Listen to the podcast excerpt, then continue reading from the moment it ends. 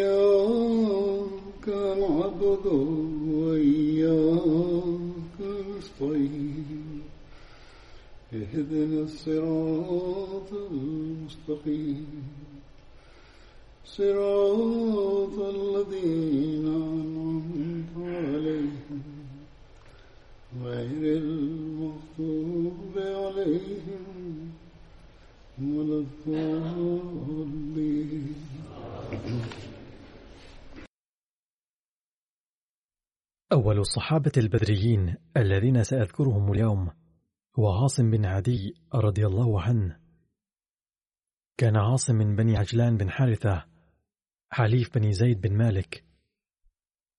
وكان سيد بن العجلان وأخو معا بن عدي ويكنى أبا بكر. وعند بعض يكنى أبا عبد الله وأبا عمر وأبا عمرو كان متوسط القامة ويخضب شعر بالحناء اسم ابنه أبو البداح وابنته سهلة التي تزوجت من عبد الرحمن بن عوف وكان لهما أربعة أولاد وهم معا وعمر زيد وابنته أمة الرحمن الصغرى. عندما خرج رسول الله صلى الله عليه وسلم إلى بدر أمر عاصما على قباء والعالية وهي المنطقة المرتفعة من المدينة.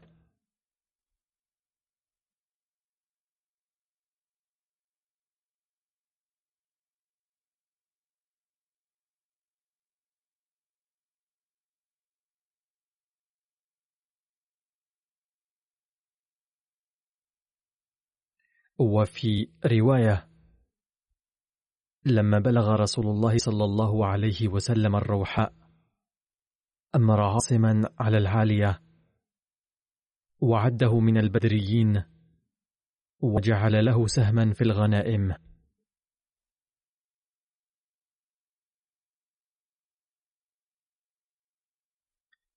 لقد أورد ميرزا بشير أحمد تفصيل هذا الحادث في تأليفه سيرة خاتم النبيين. كما يلي. عندما خرج النبي صلى الله عليه وسلم من المدينة أمر عليها عبد الله بن أم مكتوم. ولما بلغ الروحاء التي تقع على بعد ستة وثلاثين ميلا من المدينة خطر بباله أن عبد الله رجل ضرير وهناك أخبار عن قدوم جيش من مكة. لذا يجب أن يكون النظام في المدينة قويا. فعين أبا لبابة أميرا على المدينة وجعل عبد الله بن مكتوم إماما للصلاة. وأما قباء فأمر عليها عاصم بن عدي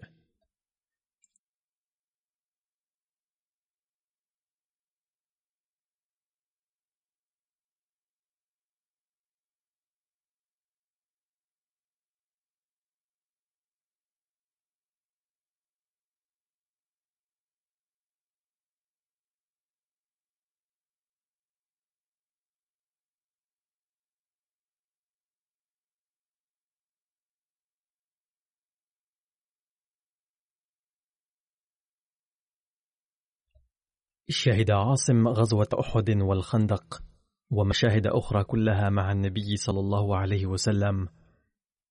وتوفي في المدينة في خمسة وأربعين من الهجرة في عهد معاوية. كان عمره عند الوفاة مئة وخمسة عشر عاما. وعند البعض كان بالغا من العمر مئة وعشرين عاما. عندما حانت وفاته بكى أهله فقال لا تبكوا علي. فقد قضيت عمرا طويلا.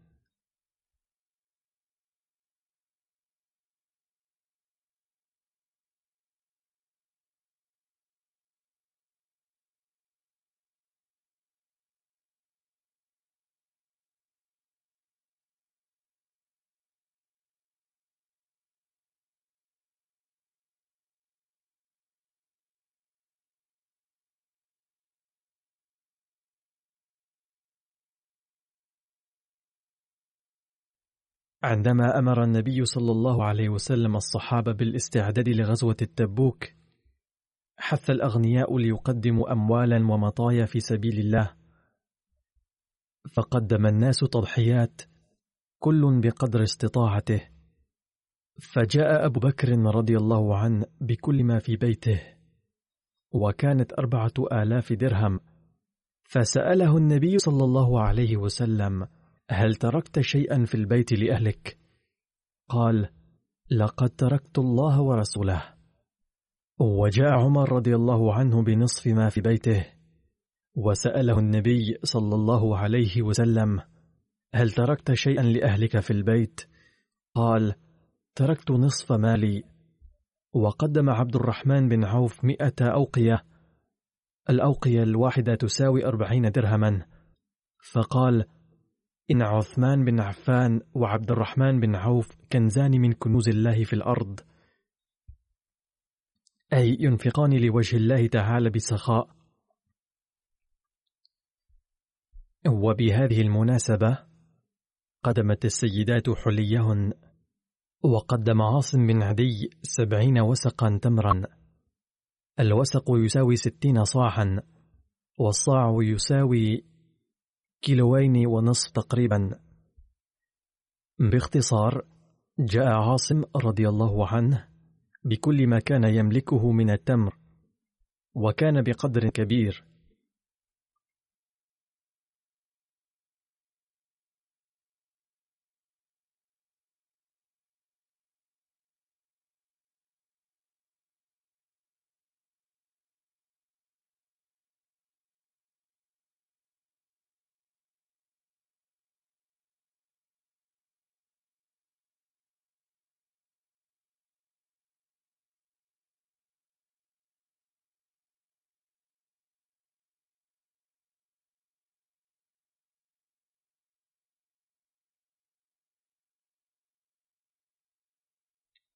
كان عاصم بن عدي رضي الله عنه من الصحابة الذين أمرهم النبي صلى الله عليه وسلم بهدم مسجد الضرار. وذاك أنه لما اتخذ بنو عمرو بن عوف مسجد قباء وبعثوا إلى رسول الله صلى الله عليه وسلم فصلى فيه. حسدهم بنو غنم بن عوف وكانوا من منافق الأنصار فقالوا نبني مسجدا كما بناه بنو عمرو. كان أبو عامر فاسقا ومعاديا وفتانا.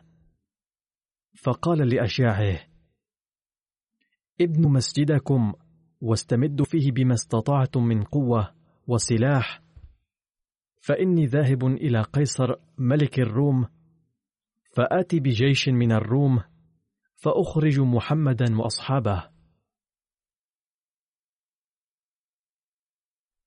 فلما فرغوا من مسجدهم أتى جماعة منهم لرسول الله صلى الله عليه وسلم فقالوا يا رسول الله إنا بنينا مسجدا لذي العلة والحاجة لأنهم لا يستطيعون أن يذهبوا بعيدا للصلاة. وإنا نحب أن تأتينا فتصلي لنا فيه. فقال إني على جناح سفر وحال شغل وإذا قدمنا إن شاء الله صلينا لكم فيه.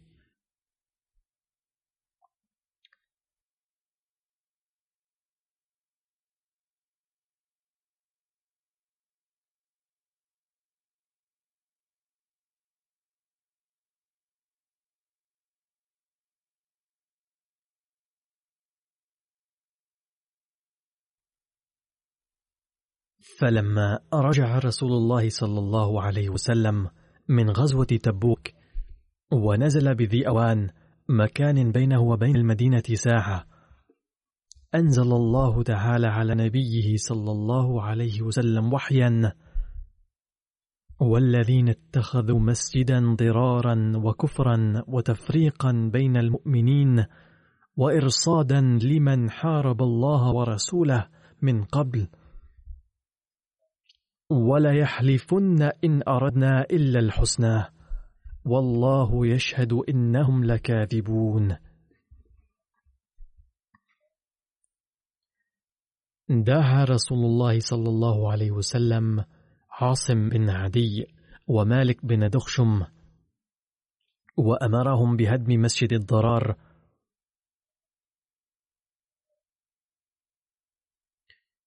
وقد جاء في روايات أخرى أنه صلى الله عليه وسلم أرسل عاصم بن عدي وعامر بن السكن ووحشي قاتل حمزة وسويد بن عباس لهذا الغرض.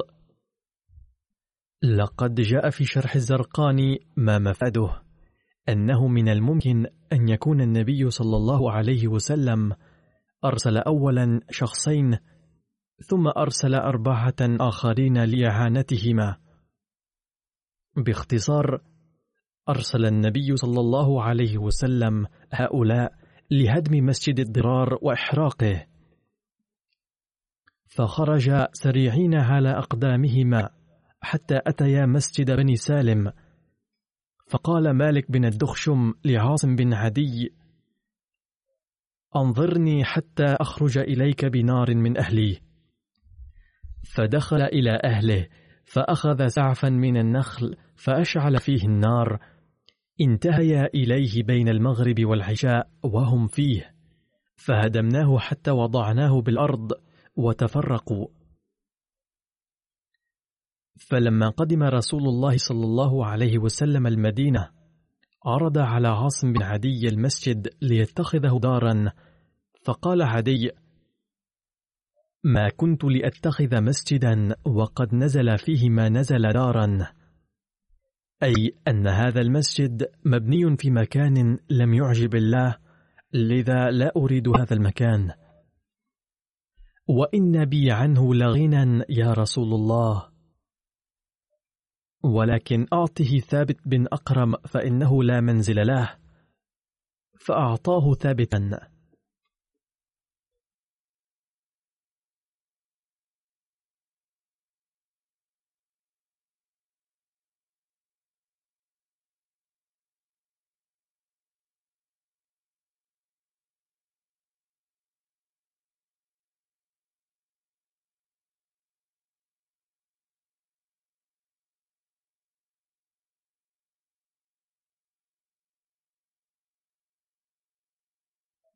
قال ابن إسحاق كان الذين بنوه اثني عشر رجلا. خذام بن خالد ومعتب بن قشير وأبو حبيبة بن الأزهر وعباد بن حنيف وجارية بن عامر وابناه مجمع بن جارية وزيد بن جارية ونفيل بن الحرث وبحزج بن عثمان ووديعة. باختصار كان هؤلاء كلهم متواطئين براهب أبي عامر الذي سماه النبي صلى الله عليه وسلم فاسقا. ذات مرة زار المسيح الموعود عليه السلام مسجدا جامعا في دلهي أثناء أحد أسفاره وقال المسجد جميل جدا. إن زينة المساجد الحقيقية ليست بالبنايات بل بالمصلين الذين يصلون بإخلاص وإلا فهذه المساجد كلها صارت خاربة. كانت مساجد كثيرة خربة من هذه الناحية. في ذلك الزمن أيضا كان مسجد النبي صلى الله عليه وسلم صغيرا وكان سقفه من سعف النخيل وكان الماء يقطر منه عند المطر. إن زينة المساجد هي بالمصلين لقد بنى الناس الماديون مسجدا في زمن النبي صلى الله عليه وسلم ولكنه هدم بأمر الله تعالى وكان اسمه مسجد الضرار فسوي بالأرض. الأمر بالنسبة إلى المساجد هو أن تبنى للحصول على التقوى.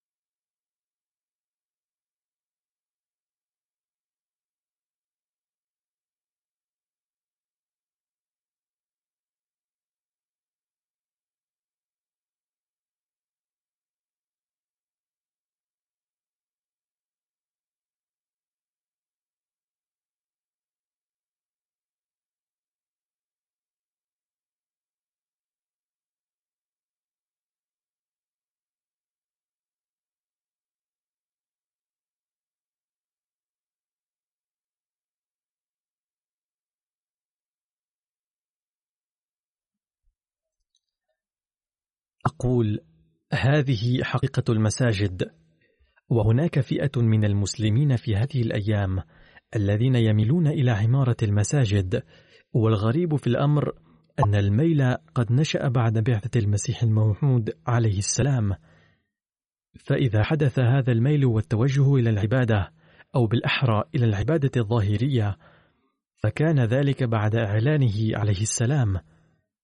فإنهم يبنون مساجد جميلة وعلى الرغم من بنائهم المساجد بانتباه خاص فقد انتبه إلى عمارتها الحقيقية بعض الناس فقط. ولكنها في هذه الأيام خالية من التقوى خاصة في باكستان مثلا. لقد أمر الله تعالى بهدم مسجد الضرار وقد وضح في الآيات التالية أن المسجد الحقيقي هو الذي يؤسس على التقوى. ولكن المشايخ غير الأحمديين يظنون أن التقوى تكمن في استخدام لغة بذيئة في المساجد ضد المسيح الموعود عليه السلام وكل الشتائم ضده وضد جماعته. وليس ذلك فحسب بل يحدث بين حين وآخر أن أصحاب الفرق المختلفة يسبون ويشتمون بعضهم بعضا أيضا بسبب اختلاف الفرق والأئمة. وفي هذه الأيام تنشر على وسائل التواصل الاجتماعي بصورة مباشرة أحداث الشجار والتناطح وكيل السباب والشتائم في المساجد لبعضهم بعضا. فكل هذه الأمور توحي بأن هناك نقصا في التقوى. ولا يؤدي الناس حقوق المساجد كما ينبغي. وعلينا نحن الأحمديين أن نعتبر بهم. ونسعى جاهدين لتكون مساجدنا مبنية على التقوى. وكلما نحضر المساجد يجب أن نأتيها لعمارتها واضعين التقوى نصب أعيننا. إذا هذا هو الهدف الحقيقي من المساجد. ولو بقي هذا الأصل قائما سنظل حائزين على أفضال الله تعالى بإذنه.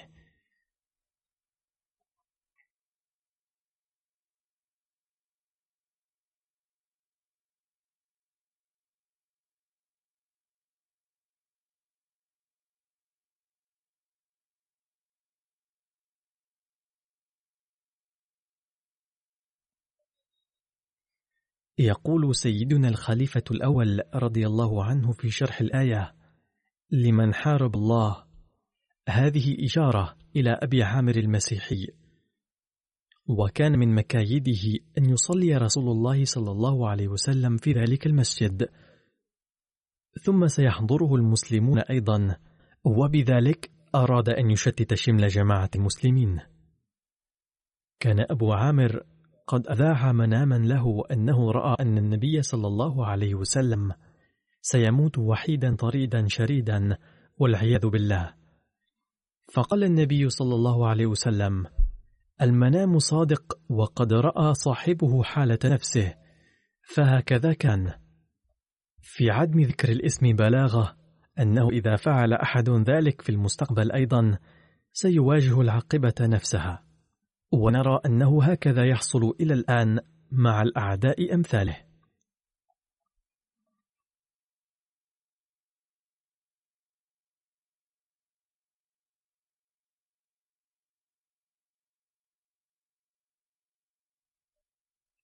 والصحابي الآخر الذي أذكره اليوم هو عمرو بن عوف وقيل هو عمير واسم والده عوف.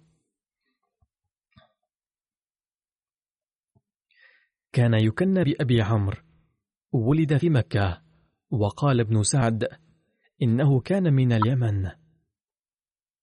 لقد اختلف المؤرخون وأصحاب السير والمحدثون في اسم هذا الصحابي. هناك لبس كبير حول شخصيته. فقد قال الإمام البخاري وابن إسحاق وابن سعد والعلامة ابن عبد البر والعلامة ابن الأثير وغيرهم أن اسمه عمرو. في حين أن ابن هشام وموسى بن عقبة وأبو معشر والواقدي وغيرهم ذكروا أن اسمه عميرا. وقال العلامة بدر الدين العيني والعلامة ابن حجر العسقلاني وهما من شراح صحيح البخاري أن عمرو بن عوف وعمير بن عوف اسمان لشخصية واحدة. عند الإمام البخاري كان عمر بن عوف الأنصاري حالف بني حامر بن لؤي أحد أحياء قريش وعده ابن هشام بن سعد من بني عامر بن لؤي أحد بطون قريش نفسها.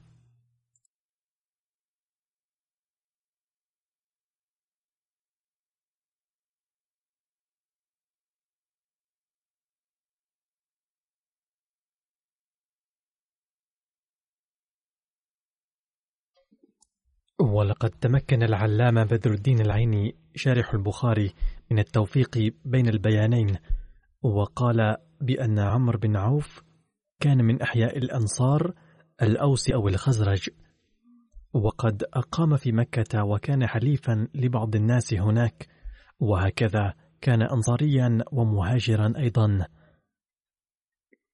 كان عمرو بن عوف من أوائل من أسلم. ولما هاجر من مكة إلى المدينة نزل على كلثوم بن الهدم. شهد عمر بن عوف بدرا وأحدا والخندق والمشاهد كلها مع رسول الله صلى الله عليه وسلم. ومات عمر بن عوف في خلافة عمر بن الخطاب وصلى عليه عمر رضي الله عنه. وصحابي الآخر الذي أتناول ذكره هو معن بن عدي. كان حليفا لبني عمرو بن عوف من الأنصار وهو أخو عاصم بن عدي. وعند تناول لذكره ذكر معن بن عدي أيضا. بايع بيعة العقبة مع السبعين من الأنصار.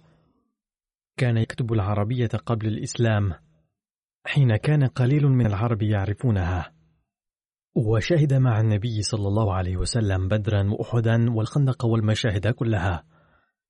ولما هاجر زيد بن الخطاب من مكة إلى المدينة أخى النبي صلى الله عليه وسلم بينه وبين معن بن عدي.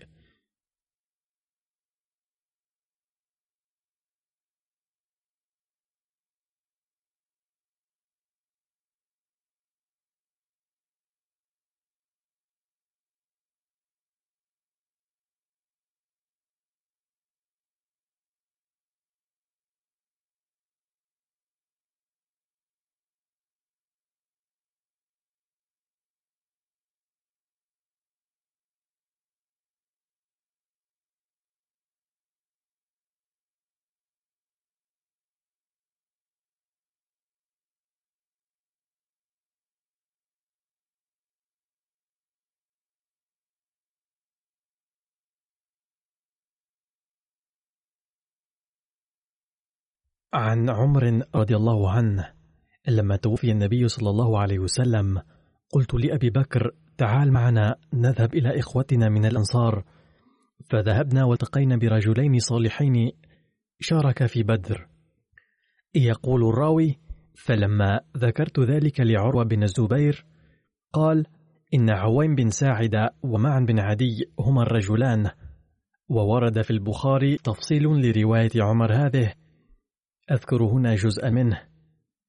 عن ابن عباس قال كنت أقرئ رجالا من المهاجرين منهم عبد الرحمن بن عوف فبينما أنا في منزله بمنن وهو عند عمر بن الخطاب في آخر حجة حجها إذ رجع إلي عبد الرحمن فقال لو رأيت رجلا أتى أمير المؤمنين اليوم؟ فقال يا أمير المؤمنين هل لك في فلان يقول لو قد مات عمر لقد بايعت فلانا. أي يقول ذلك مسبقا في خلافة عمر بأنه سيتابع فلانا بعد وفاته كما قال أيضا فوالله ما كانت بيعة أبي بكر إلا فلتة فتمت وهكذا أعطي له هذا المنصب الكبير الخلافة. فغضب عمر ثم قال إني إن شاء الله لقائم العشية في الناس فمحذرهم هؤلاء الذين يريدون أن يغصبوهم أمورهم. قال عبد الرحمن فقلت يا أمير المؤمنين لا تفعل فإن الموسم يجمع رعاء الناس وغوغاءهم فإنهم هم الذين يغلبون على قربك حين تقوم في الناس. وأنا أخشى أن تقوم فتقول مقالة يطيرها عنك كل مطير وألا يعوها وألا يضعوها على مواضعها دون التوضيح المناسب لها.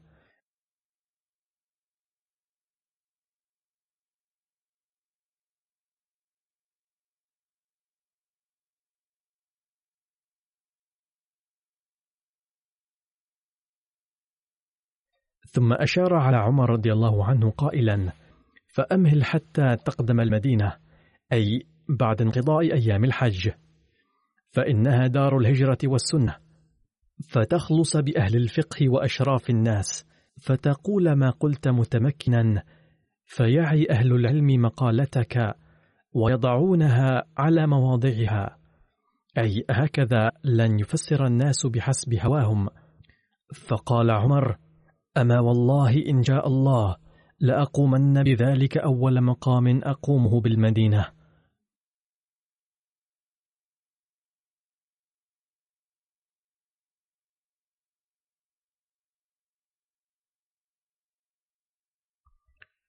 قال ابن عباس فقدمنا المدينة في عقب ذي الحجة. فلما كان يوم الجمعة عجلت الرواح حين زاغت الشمس.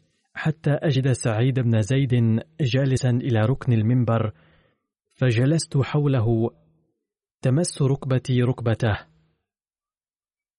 يبين تفصيل الجلوس. فلم أنشب أن خرج عمر بن الخطاب فلما رأيته مقبلا قلت لسعيد بن زيد بن عمرو بن نفيل لا يقولن العشية مقالة لم يقلها منذ استخلف. فأنكر علي وقال ما عسيت أن يقول ما لم يقل قبله. فجلس عمر على المنبر فلما سكت المؤذنون قام فأثنى على الله بما هو أهله. ثم قال أما بعد فإني قائل لكم مقالة قد قدر لي أن أقولها. لا أدري لعلها بين يدي أجلي. فمن عقلها ووعاها فليحدث بها حيث انتهت به راحلته. ومن خشي ألا يعقلها فلا أحل لأحد أن يكذب علي. قال إن الله بعث محمدا صلى الله عليه وسلم بالحق وأنزل عليه الكتاب ثم ذكر بعض الأحكام الواردة في الحديث الطويل ولكني أتركها. ثم قال ألا ثم إن رسول الله صلى الله عليه وسلم قال لا تطروني كما أطري عيسى بن مريم. وقولوا عبد الله ورسوله.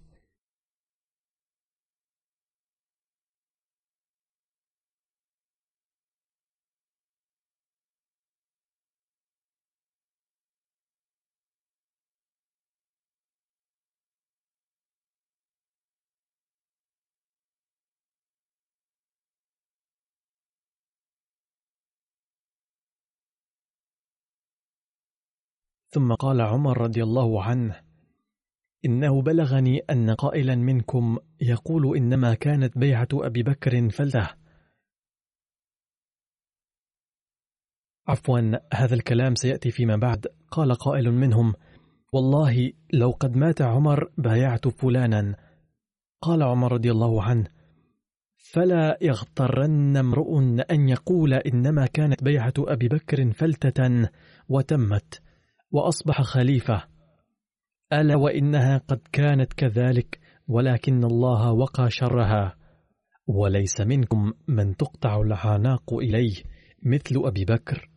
أي ليس منكم عالما وعاملا ومخلصا وبالغا أعلى مستوى التقوى مثل أبي بكر رضي الله عنه.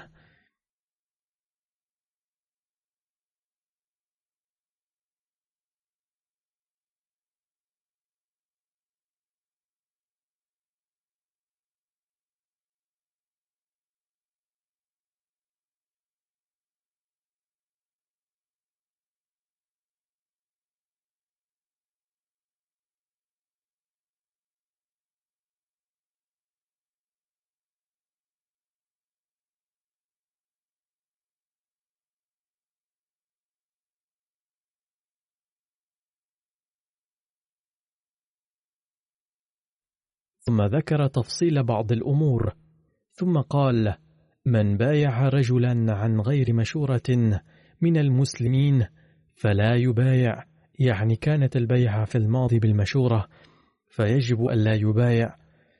هو وللذي بايعه غرة أن يقتلى وإنه قد كان من خبرنا. حين توفى الله نبيه صلى الله عليه وسلم أن الأنصار خالفونا واجتمعوا بأسرهم في سقيفة بني ساعدة وخالف عنا علي والزبير ومن معهما. واجتمع المهاجرون إلى أبي بكر فقلت لأبي بكر يا أبا بكر انطلق بنا إلى إخواننا هؤلاء من الأنصار فانطلقنا نريدهم فلما دنونا منهم لقينا منهم رجلان صالحان.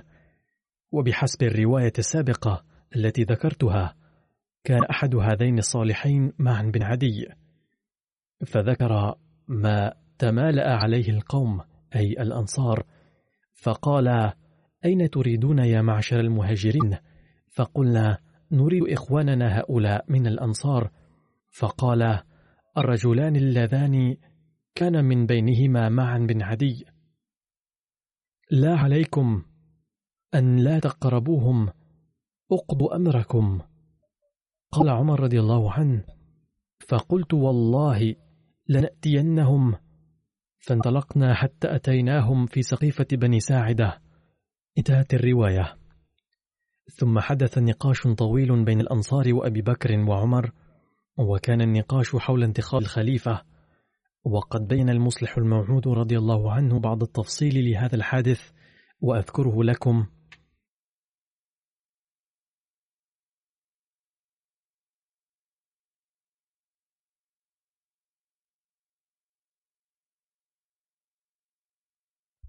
فقال حضرته في ذكر هذا الحادث انقسم الصحابة عند وفاة النبي صلى الله عليه وسلم إلى ثلاث فئات فكانت إحدى هذه الفئات ترى أنه لابد من وجود شخص لإقامة نظام الإسلام وحيث إن أهل الرسول صلى الله عليه وسلم أدرى بمقاصده فيجب أن يختار هذا الشخص منهم لا من أي عائلة أخرى. أي كان قول هذه الفئة بأنه يجب أن يكون شخص من أهل بيت النبي صلى الله عليه وسلم وليس من عائلة أخرى.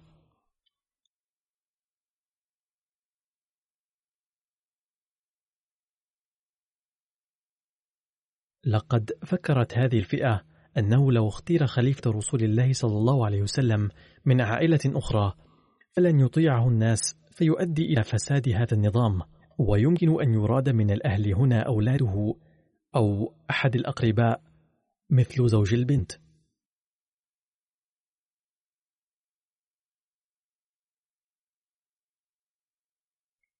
قال المصلح الموعود رضي الله عنه ولكنهم معتادون على طاعة أهل بيته صلى الله عليه وسلم لذا فسيرضون بخليفة من أهله عن طواعية شأنه شأن ملك يعتاد الناس طاعة أوامره فإذا خلفه ابنه بعد وفاته رضوا بطاعته أيضا عن طيب خاطر أما الفئة الأخرى فكانت ترى أن شرط اختيار خليفة الرسول صلى الله عليه وسلم من أهله ليس ضروريا بل الهدف هو أن يكون للرسول خليفة فيجب أن يولى من هو أكفأ الناس بخلافته وأولاهم بهذه المهمة.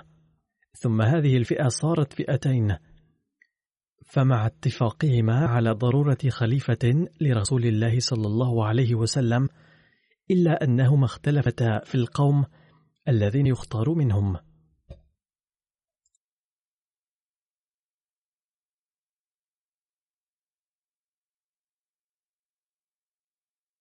فكانت إحداهما ترى أن الذين قد تربوا على يد الرسول صلى الله عليه وسلم أطول فترة هم أحق بالأمر أي المهاجرين وبالأخص قريش منهم. إذ ستطيعهم العرب بسهولة بينما رأت الفئة الأخرى أن الرسول صلى الله عليه وسلم قد توفي في المدينة والأنصار هم ذو قوة ونفوذ فيها فهم أقدر الناس على إدارة الأمور.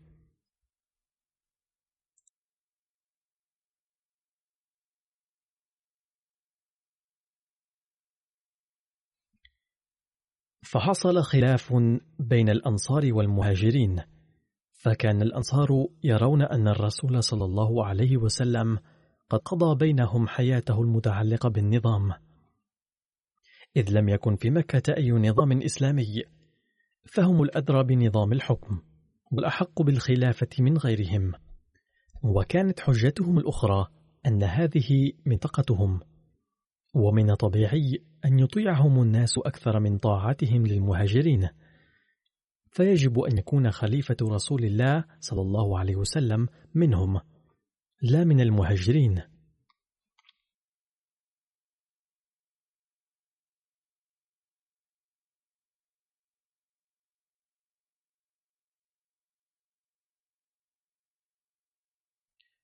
أما المهاجرون فقالوا لم يحظى الأنصار بصحبة رسول الله صلى الله عليه وسلم بقدر ما حظينا بها.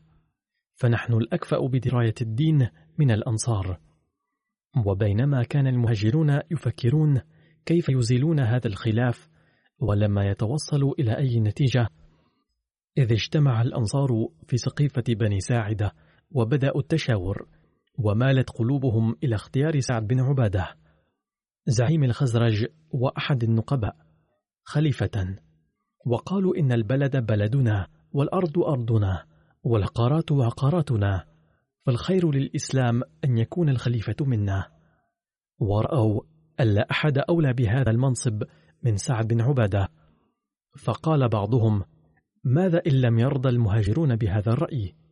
فقال أحدهم نقول لهم منا أمير ومنكم أمير. وكان سعد بن عبادة رجلا حكيما.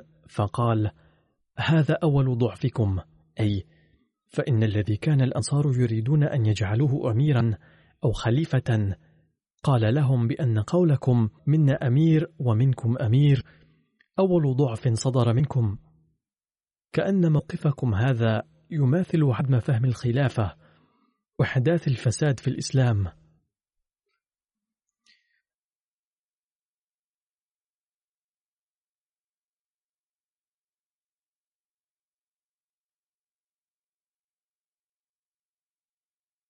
وبعد ذلك لما بلغ المهاجرين خبر تشاور الأنصار سارعوا إلى مكان اجتماعهم وهو كما ذكر في بيان عمر رضي الله عنه أنه هو وأبو بكر وبعض الناس الآخرين جاءوا إلى هناك لإدراكهم أن العرب لن يطيعوا أي خليفة من غير المهاجرين وهو أمر لا يتعلق بالمدينة فقط إذ لا شك أن الأنصار كانوا ذوي نفوذ وقوة في المدينة. ولكن سائر العرب كانوا معترفين بعظمة وشرف أهل مكة فظن المهاجرون أنه لو اختير الخليفة من بين الأنصار فسوف يواجه العرب مشاكل كبيرة وقد لا يتمكن معظمهم من تجاوز هذا الابتلاء بخير. فحضر المهاجرون إلى سقيفة بني ساعدة وكان من بينهم أبو بكر وعمر وأبو عبيدة رضي الله عنهم. يقول عمر كنت أعددت في نفسي لهذه المناسبة كلمة قوية جدا وكنت أنوي أن ألقي بمجرد وصولي إلى المجلس خطابا مؤثرا وسوف أقنع بأدلة جميع الأنصار باختيار خليفة من المهاجرين لا من الأنصار. ولكننا لما وصلنا إلى مكان الاجتماع قام أبو بكر خطيبا فقلت في نفسي ماذا عسى أن يقول هذا الرجل؟ ولكنه والله لم يترك شيئا مما أعددت بل قدم من عنده أدلة إضافية قوية. فأدركت أني لن أستطيع أن أسبق أبا بكر. باختصار قال المهاجرون للأنصار لابد من أن يكون الأمير من قريش الآن. واستدلوا بحديث رسول الله صلى الله عليه وسلم الأئمة من قريش وذكروا سبقهم في الدين.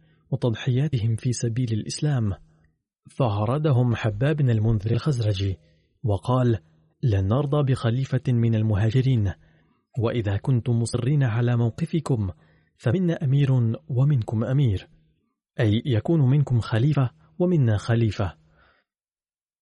فقال له عمر على رسلك يا رجل.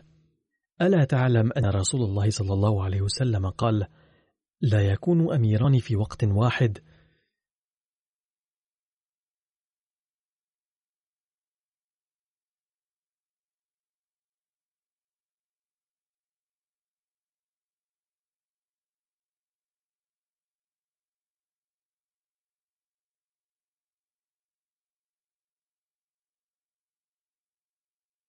يقول المصلح الموعود رضي الله عنه يتضح من هنا أنه كانت هناك أحاديث شرح فيها النبي صلى الله عليه وسلم نظام الخلافة ولكنها لم تتبادر إلى أذهان الصحابة في حياته.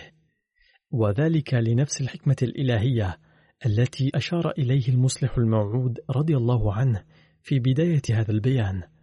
فقال عمر رضي الله عنه فبناء عليه إن مطالبتكم بأمير منكم وأمير منا باطلة عقلا وشرعا. ثم كيف تم انتخاب أبي بكر رضي الله عنه؟ بعد نقاش وجدال قام أبو عبيدة رضي الله عنه وقال منبها للأنصار أيها الأنصار أنتم أول قوم آمنوا برسول الله صلى الله عليه وسلم خارج مكة. فلا تكونوا أول قوم بعد وفاته يبدلون مشيئة الدين. فتأثر القوم جدا من قوله حتى قام بشير بن سعد الخزرجي وقال لقومه يا قوم لقد صدق هؤلاء فيما قالوا فإننا لم نخدم الرسول صلى الله عليه وسلم ولم ننصره من أجل المكاسب المادية ولا من أجل الوصول إلى سدة الحكم بعده. وإنما فعلناه لوجه الله فليس النقاش على حقنا في أن يكون الأمير منا أو الخليفة منها وإنما النقاش عما يتطلب منا الإسلام. فيجب أن يكون الأمير من المهاجرين فهم أطول صحبة برسول الله صلى الله عليه وسلم.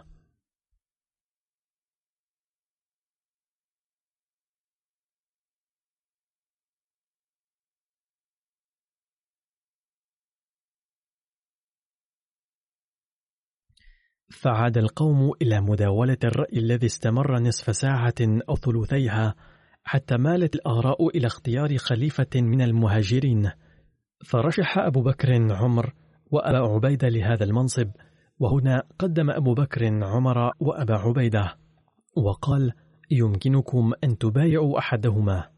ولكنهما رفض ذلك وقال سنبايع من أمره النبي صلى الله عليه وسلم. بأن يؤم الناس في الصلاة والذي هو أفضل المهاجرين.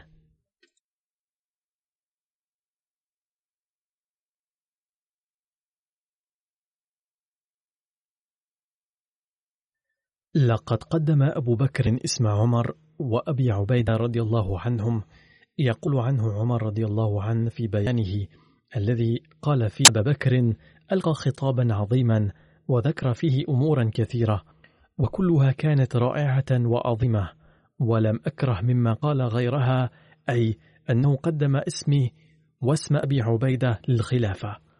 والله لأن أقدم فتضرب عنقي لا يقربني ذلك إلى إثم أحب إلي من أن أتأمر على قوم فيهم أبو بكر أي كانت مكانة أبي بكر عظيمة بحيث كرهت أن أكون أميرا ومثله موجود في القوم. أما بقية الخطاب فكان رائعا.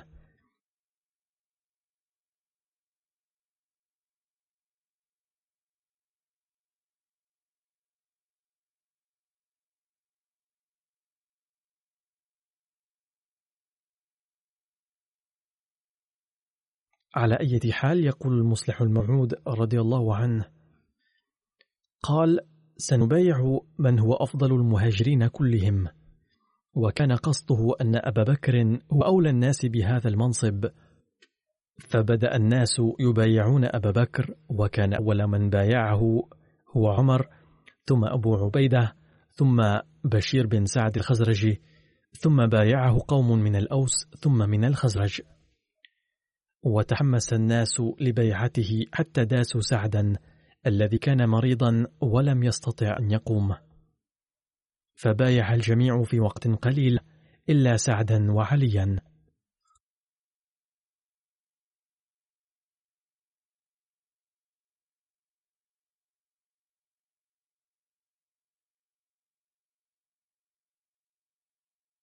وبايع ابن سعد أيضا ثم بايع علي بعد أيام. وفي بعض الروايات أنه بايع بعد ثلاثة أيام وفي بعضها بعد ستة أشهر. وتذكر روايات ستة أشهر بأنه لم يتمكن من بيعة أبي بكر لانشغاله بتمريض فاطمة رضي الله عنها وأنه لما جاء أبا بكر للبيعة اعتذر لتأخره وقال تأخرت لمرض فاطمة. على أي حال فقد بايعه الجميع في ذلك الوقت.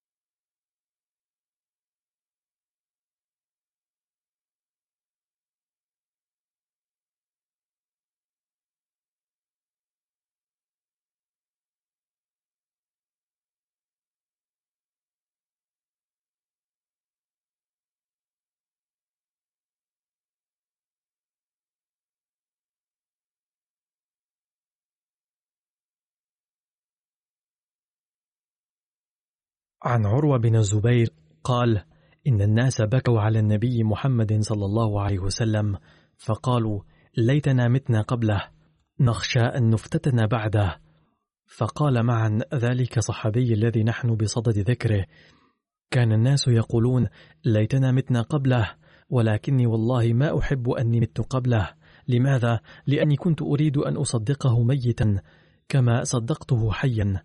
أي كما آمنت به نبيا وصدقته كنت أريد أن لا أموت حتى أصدقه بعد وفاته برؤيتي أنه قد أقيم النظام الذي تنبأ عنه أي نظام الخلافة الراشدة وأنه مستمر وأنه ينبغي ألا نقع في شرك المرتدين. هذا هو مستوى الإيمان الذي ينبغي أن يقيمه كل أحمدي في نفسه.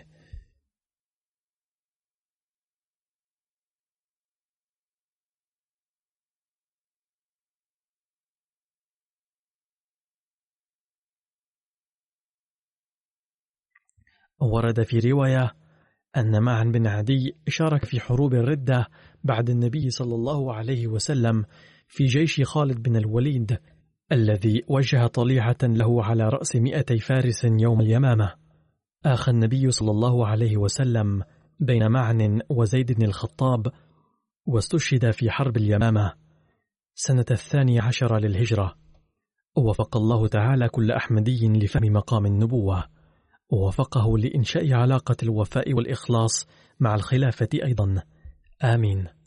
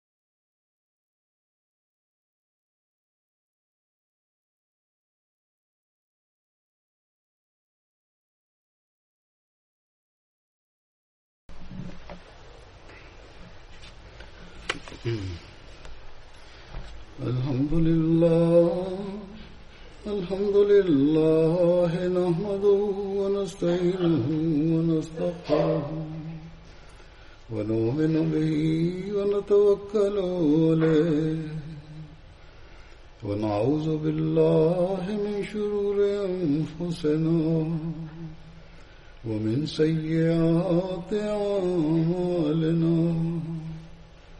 من يهده الله فلا مضل له. ومن يضلل فلا هادي له. ونشهد أن لا إله إلا الله. ونشهد أن محمدا عبده ورسوله. عباد الله رحمكم الله. إن الله يأمر بالعدل واللسان وإيتاء ذي القربى وينهى عن الفحشاء والمنكر والبغي يعظكم لعلكم تذكرون اذكروا الله يذكركم وادعوه يستجب لكم ولذكر الله أكبر